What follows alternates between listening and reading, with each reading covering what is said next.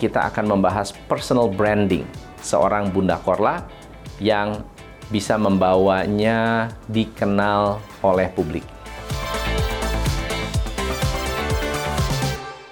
Akhir tahun 2022 lalu kita dikenalkan dengan seorang yang unik dan live Instagramnya selalu ditunggu-tunggu oleh warganet. Siapa dia? Yes, Bunda Korla.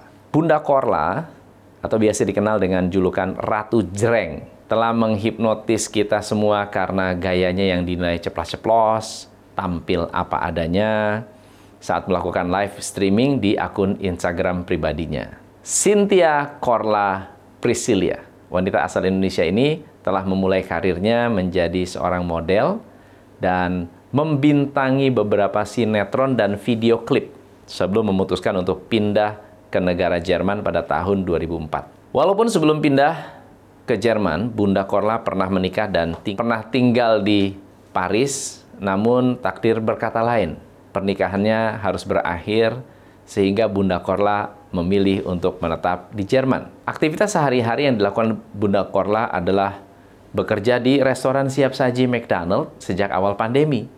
Karena di Jerman berlaku sebuah aturan. Jika ada seorang janda yang belum mendapatkan pekerjaan, mereka bisa mengajukan ke pemerintah untuk biaya hidup. Tapi hebatnya, Bunda Korla tidak ingin manja dan tidak mau bergantung kepada pemerintah. Walaupun proses yang dilalui tidak mudah, ditolak di banyak tempat, dan ia salat tahajud merupakan penolong Bunda Korla untuk mendapatkan pekerjaan. Dengan mengadu pada Tuhan untuk bisa mendapatkan pekerjaan yang normal dan ingin sekali bekerja di McDonald untuk menutup segala biaya kehidupannya. Suatu hari, Bunda Korla mendatangi salah satu outlet dan menanyakan apakah di sini sedang menerima pekerjaan dan mereka bilang, enggak. Namun ia memberikan rekomendasi salah satu alamat dan ketika Bunda Korla menghampiri, ternyata langsung diterima. Ya memang usaha tidak akan mengkhianati hasil. Jika saat ini kita bertanya ke beberapa anak, apa sih cita-citanya? Jadi kemungkinan besar mereka akan menjawab, saya ingin jadi selebgram atau influencer atau youtuber karena tergiur dengan jumlah pendapatan yang diperoleh. Bahkan menurut survei dari Hype Audito dikutip di website kompas.com menyebutkan bahwa penghasilan seorang selebgram rata-rata antara 2.970 dolar atau sekitar 46 juta per bulan, bergantung dari tingkatannya. Contoh pendapatan yang diperoleh oleh tingkatan mikro influencer bisa menghasilkan 1.420 US dollar atau sekitar 22 juta per bulan Sedangkan mega influencer ya bisa jadi uh, pengikutnya banyak banget, bisa jadi lebih dari satu juta pengikut, bisa menghasilkan 15.356 dolar Amerika atau sekitar 239 juta per bulan. Pasti tertarik dong, benar gak? Tapi kenyataannya tidak semua orang bisa menjadi influencer karena ada sebuah prinsip personal branding yang harus dibangun agar bisa diterima oleh masyarakat. Di sini tugas besar seorang influencer untuk bisa mempertahankan eksistensinya melalui personal branding. Personal branding itu apa sih? Menurut Peter Montoya dari tim Vandy Hay, personal branding adalah a personal identity that stimulate precise, meaningful perceptions in its audience about values and qualities that person stands for.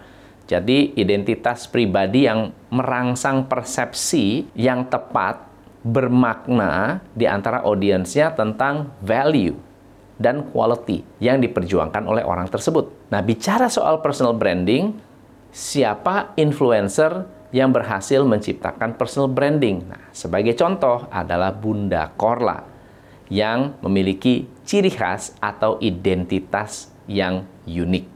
Hampir setiap hari Bunda Korla aktif dan konsisten melakukan live Instagram untuk bisa meningkatkan engagement karena pengaruhnya cukup besar untuk bisa memahami audiens kita. Memang semakin sering tampil, mereka semakin banyak yang menyukai, mengomentari, share konten. Ya, semakin besar akan lebih mengenal semakin Anda sering tampil. Dan akhirnya audiens atau follower pasti akan penasaran. Bisa-bisa kangen kalau Anda nggak melakukan live. Bukan hanya itu, personal branding yang berhasil dilakukan adalah menciptakan keunikan tersendiri dari omongan yang ceplas-ceplos, karaoke musik dangdut, kemudian memberikan hiburan, ketawa bareng-bareng netizen, hingga sejumlah akun Instagram centang biru seperti Arif Muhammad, Siti Badriah, Maharani Kemala, Nikita Mirzani, dan masih banyak lagi ikut bareng-bareng. Bahkan Bunda Korla sering dapat saweran dari artis pengusaha terkenal hingga ratusan juta. Ya, seperti Nikita Mirzani yang memberikan saweran sebesar 100 juta,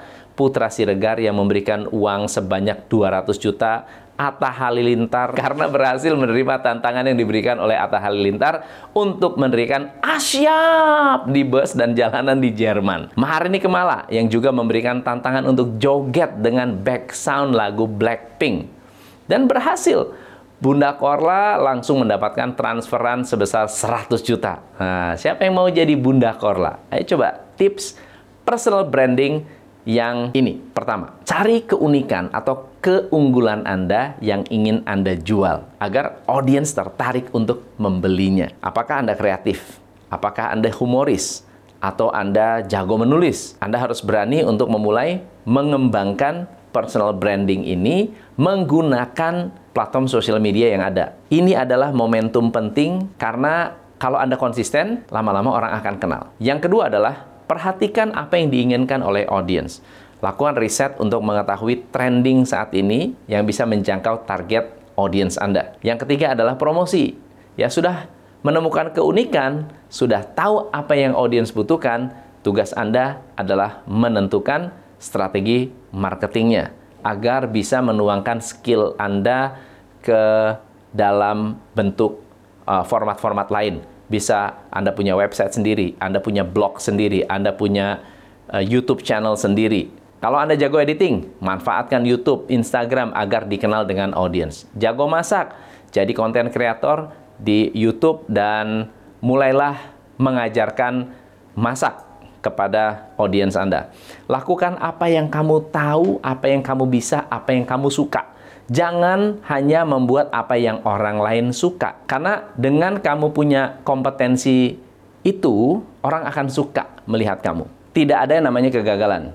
Walaupun sebetulnya ada. Tapi kalau Anda nggak pernah gagal, tidak akan mungkin ada hasilnya. Saya Tom MC Fle, salam pencerahan. Hanya di Top Coach Indonesia.